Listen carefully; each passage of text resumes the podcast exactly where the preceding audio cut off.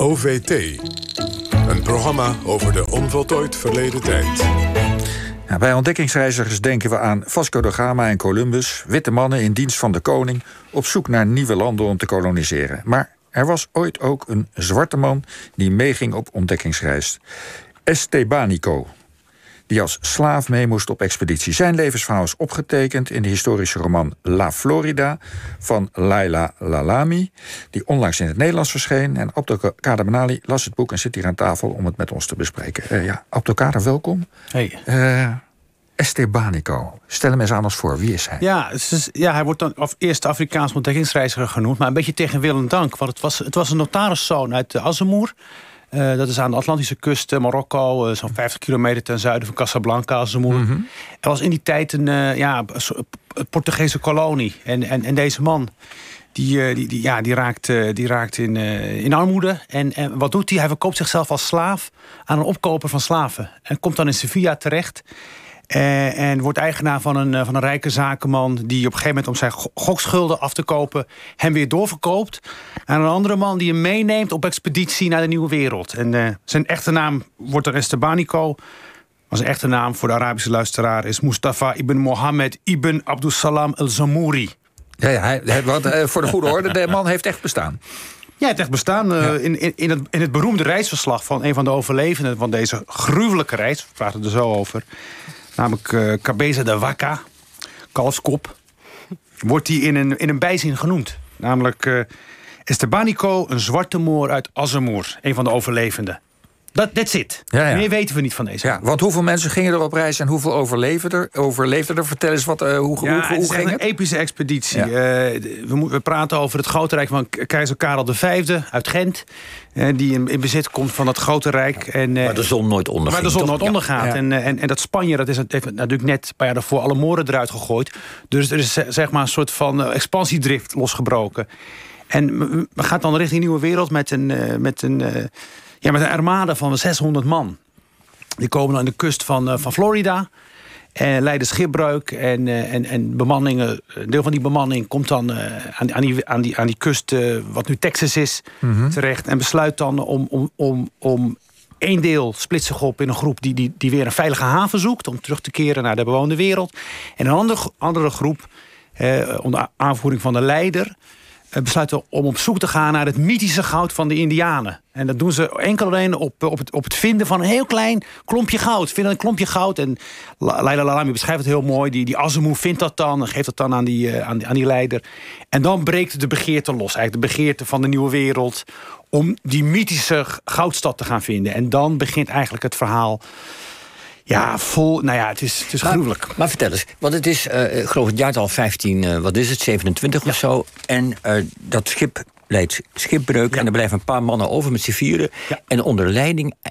Is het dan zo dat deze, deze Moorse meneer, laat ik hem zo maar even noemen. Wat, hoe, daar is heel weinig over bekend.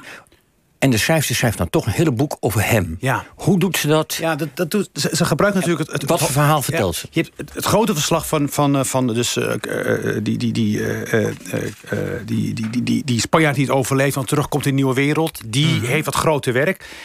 In een bijzin komt die, wordt hij moor genoemd... maar zij gebruikt deze man... Dus Mustafa Stepanico, als, als de verteller van het boek. En hij, hij vertelt helemaal aan het einde van zijn reis. Ze zijn acht jaar zijn ze onderweg. Acht jaar zijn ze, laten we zeggen, de weg kwijt. Mm -hmm. Vertelt hij aan het einde van de reis van... dit is wat er echt is gebeurd. Want wat, wat, wat, wat de Spanjaarden vertellen... Daarin worden alle moorden en verkrachtingen en plunderingen. Maar ook het feit dat, uh, dat wij op een gegeven moment zijn getrouwd met indianenvrouwen. We zijn geïntegreerd geraakt in die samenleving. We hebben de indianen leren kennen als vreedzame mensen. Al deze feiten zijn weggecensureerd door de leider van die, uh, van die, uh, van die campagne. Een van de vier overlevenden. Maar ik ga vertellen hoe het echt was. Dus eigenlijk een hele menselijke blik. Dat, dat doet Laila la, ja, heel... Dus, dus zij heeft dit gebruikt, ja. deze figuur gebruikt... om de verborgen kant van de geschiedenis die we nooit horen... als het ware te openbaren en, en, en, te, en te vertellen. En, en doet ze het overtuigend? Nou ja, ze gebruikt wel echt, ze gebruikt wel echte feiten. Want ook, ook in het hoofdverslag van de overlevenden komt naar voren dat uh, ze trekken dan door, door, die, door die oerwouden en komen dan indianenstammen tegen. En die indianenstammen, ja, die, die zijn voor een deel vijandig. Maar op een gegeven moment zijn er ook indianenstammen waar mensen ziek zijn of, of mhm. gewond zijn, de oorlog. En dan, en, dan wordt, en, dan, en dan wordt aan hun gevraagd of, of ze kunnen helpen. En dan uh, werpt Estebanico, Mustafa, zich op als een soort van genezer. En hij gebruikt al allerlei, jullie kennen dat misschien cupping-technieken, weet je wel, met zo'n met zo'n dingen op glas en dan uh, op een stuk schouder. Dat laat een wond achter die dan uh, daar. Nou, dat heeft hij dan in Assemoer heeft hij dat dan gezien op een marktplaats met allemaal verhalenvertellers en en en en en, en, en, en hijama-meesters. Cupping. En dat gebruikt hij dan op een, op een Indianenhoofdman. En daardoor uh, komt hij uh, ja, in de, uh, ja, stijgt zijn status. Hij wordt ineens een geneesheer, een magische geneesheer. Zij trekt, dit is echt gebeurd, dit is feitelijk allemaal. Ze trekken door die oerwouden langs die mm indianenstammen. En dan bouwen ze allerlei discipelen op. Ja, ja. Indianen gaan met deze mannen mee, want ze denken, dit zijn heilige mannen. Ze hebben heilige krachten. Zij kunnen genezen, zij kunnen botten spalken. Zij mhm. kunnen met, met, met, lopen ze, uh, ze beschrijft heel mooi, uh, Mustafa loopt dan de wildernis in, vindt dan wat tijm en maakt dan een geneeskrachtig zalfje van. En dat zorgt ervoor dat, die, dat deze groep van eigenlijk in het begin vijandige Spanjaarden... op een gegeven moment in een soort van vreedzame coexistentie komen met die indianenstam. Ja, ja, want al die dingen die staan ook in echte bronnen ja, beschreven. Ja, Zelfs van, dat, ja. van dat cupping. Ja. alleen wat heeft dan Laila gedaan? Die heeft natuurlijk het verhaal, het morele kader zit mhm. natuurlijk bij Mustafa, bij Estebanico. Want hij is namelijk ook een outsider. Die indianen zijn natuurlijk, uh, die worden natuurlijk gezien als minderwaardig, niet menselijk. Mhm. Maar het hele verhaal door uh, is, de blik van die, van die Spanjaarden op Estabanico ook zeer denigrerend en, en vernederend. Het is maar een slaaf en hij moet zijn mond houden.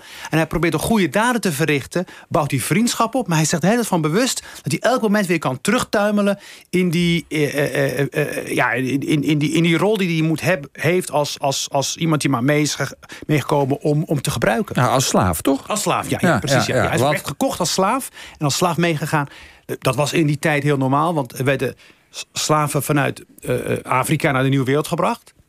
Maar je hmm. krijgt ook heel veel vluchtelingen uit, uh, uit, uit Spanje, Moren die op een gegeven moment meegaan met, met die expedities naar de nieuwe wereld. Dat was natuurlijk ook omdat die, dat, dat, dat Spaanse imperium had mensen nodig om het nieuwe gebied te koloniseren. En wie, wie kon je daar als beste voor gebruiken? Ja, net de mensen die had verdreven die Moren. Want die hadden verstand van, uh, van navigeren en, en, en, maritieme kennis. Dus die kwamen makkelijk aan boord. En hij was een van de duizenden eh, die mm meegingen naar de nieuwe wereld. Ja, ja maar hij was notariszoon. Hij was, niet een, hij was geen schipper of zo. Nee, hij was geen schipper. Maar goed, hij, heeft wel, hij, hij, hij, sprak zijn talen. Want hij sprak al Portugees, Spaans, Arabisch. En hij begreep wat het was om een minderheid te zijn. Hij, Lami maakt het modern. Hè? Ze maakt eigenlijk een modern burgerschap. Ze maakt een soort van grensganger van hem. Ja. Een grensganger die tussen alle culturen kan bewegen. Omdat hij vanuit zijn gemarginaliseerde positie begrijpt hoe een andere gemarginaliseerde... Die, die zich vijandig bejegend voelt, ja, zal voelen en denken. Ja, en is dat overtuigend? Want je kunt ook zo aan de ene kant denk ik, ja, dit klinkt heel erg uh, prettig, aangenaam. Aan de andere kant denk ik, ja, dit, dit, dit, dit spat er dan misschien zodanig vanaf dat het, gaat, dat het, dat het misschien een beetje vermoeiend wordt. Nou, daar, daar, zit je meteen bij, bij eigenlijk het, het spanningsveld van deze roman. Namelijk, uh, uh, ieder, kijk, de vraag is natuurlijk of zo'n zo'n Azemour, Mustafa Stabaniko ook zo vreedzaam zou zijn geweest in het echt. Was, als hij daar was geweest in die tijd, was hij denk ik net zo cynisch geweest als al, ook al die andere Spanjaarden. Pakken wat je pakken kan. Dus hij heeft een heel groot moreel besef. Hij denkt heel modern. Ja. Hij denkt met gevoelens hij, en hij heeft empathie. Die Spanjaarden hebben dat niet. Hij ziet de Indianen in tegenstelling tot de Spanjaarden dat zagen als mensen. Ja, hij zag precies. Hij zag, hij, keek, hij zag ze als gelijken eigenlijk. En hij zag hun pijn was zijn pijn. En hij, ook, er zijn ook een aantal confrontaties in de roman waarin hij uh, zich verzet tegen de praktijken van de Spanjaarden en daarvoor gestraft wordt. Dus hij zet ook iets op het spel.